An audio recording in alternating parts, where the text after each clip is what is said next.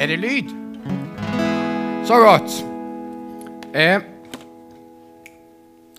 det er sikkert mange som skal starte Oi, det var farlig.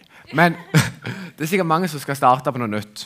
Om det er i nytt arbeid for de som er så gamle, ny klasse, ny skole eh, Om du går ifra 7. til 8. Det er mye som kan skje nytt. Jeg skal hente alltingen før jeg eh,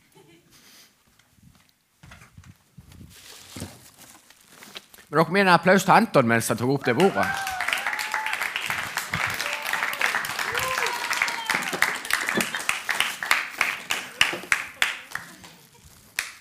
Ser dere det som er på toppen av bordet her? Hvis dere lurer hva yndlingssnopet mitt er, så er det rødt og hvit lakris XL fra Europris. Bare sånn Nei. Men uansett om du starter på noe nytt, eller om du fortsetter med det gamle, så må du bestemme deg hva som er viktig i ditt liv. Og det som iallfall jeg tenker som er viktig i mitt liv Jeg skal symbolisere det med steiner. Det er familie og venner. Å ja, jeg skulle kanskje sagt det. Det er vårt liv. Den plastikkboksen, det er vårt liv. Og nå er det viktigste i mitt liv det er familie og venner. Tror det som skjæres, det er jo kanskje litt viktig for deg, da, men det slipper jeg å styre med. um, og så er det de litt mindre tingene. Noen går kanskje på skole. Noen jobber. Noen går på fotball. Friidrett. Det er mye som går an å gjøre. Og det er på en måte litt mindre ting. Det er ikke det som er så viktig i ditt liv. Og så er det de tingene som er enda mindre. Altså ting du eier, ting du bruker, ting du kanskje tar litt mer for gitt. Og av og til så prøver vi å følge opp vårt liv med de tingene der. For å få en mening med livet. Altså for Jeg skulle ha sortert det her først, det merker jeg nå. Men for å følge opp livet vårt. Men uansett om den eska her ser full ut nå, er den full? Nei. Det er mye luft inni der. Og det er det, den lufta der, det som følger det, det er det som bestemmer din verdi, hvem du lar ta styring av ditt liv, hvem som er med og bestemmer. Og det se, Det kan vi sammenligne med det vannet her. Jeg skulle egentlig hatt mer vann der, men han var ikke stor nok. Men allikevel, dere forstår det. Hvis jeg hadde hatt nok vann nå, så hadde det vært fullt. Og det er det Om du bestemmer om det vannet skal være andre sine meninger om deg, eller dine egne tanker om deg sjøl Altså hvem som bestemmer din verdi, hvem du er. Ja, det kan jo være det vannet. Men eller er det Jesus som bestemmer din verdi? Hvem du er, hva du kan? Og hvis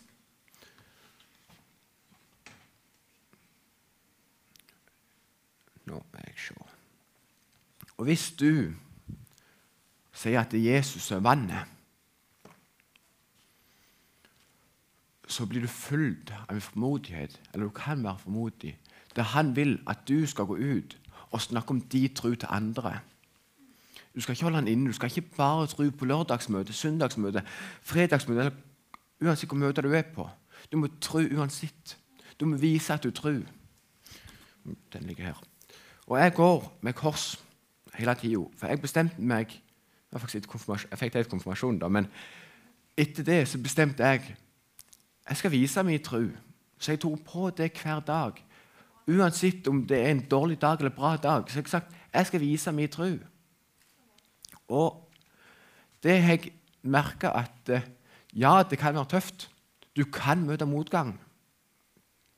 Men allikevel, om du er formodig og viser din tro og snakker om din tro til andre, så opplever du ting du aldri kommer til å glemme. Jeg har opplevd tre ting, og det er ikke så lenge siden heller, så jeg husker veldig godt. Det ene det var i starten av året. Da var det meg og en klassekamerat. Vi snakket i hop. Og jeg er åpen om min tro og alt det, så vi snakket lenge om det. Det gikk jo flere dager i friminuttene. Og så ender det med han sier til meg Ja, jeg tror ikke på din Gud Nei, jeg tror din Gud kan finnes, men jeg tror ikke på han. Så tenker jeg ja, ok. Så du sier at du, du tror han fins, men du tror ikke på han.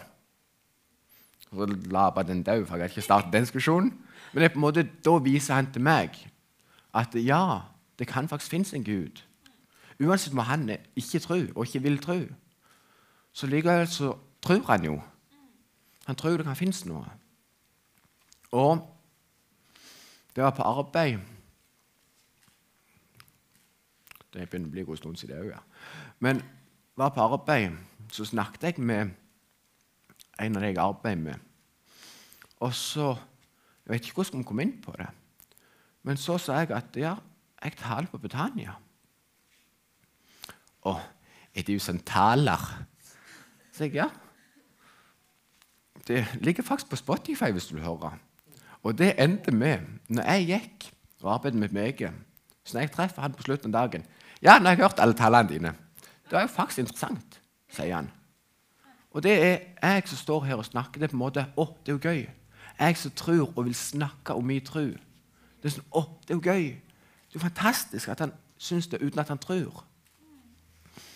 Og den siste tingen, det var Jeg vet ikke tid det var.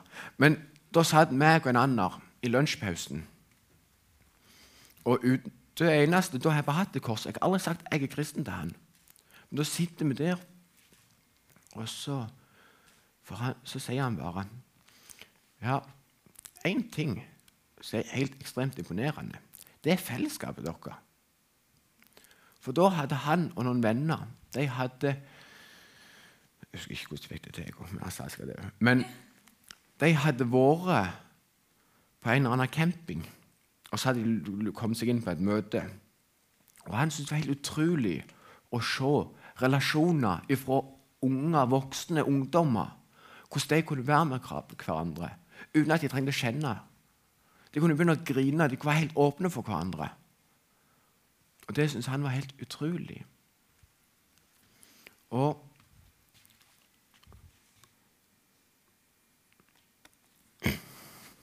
funker ikke.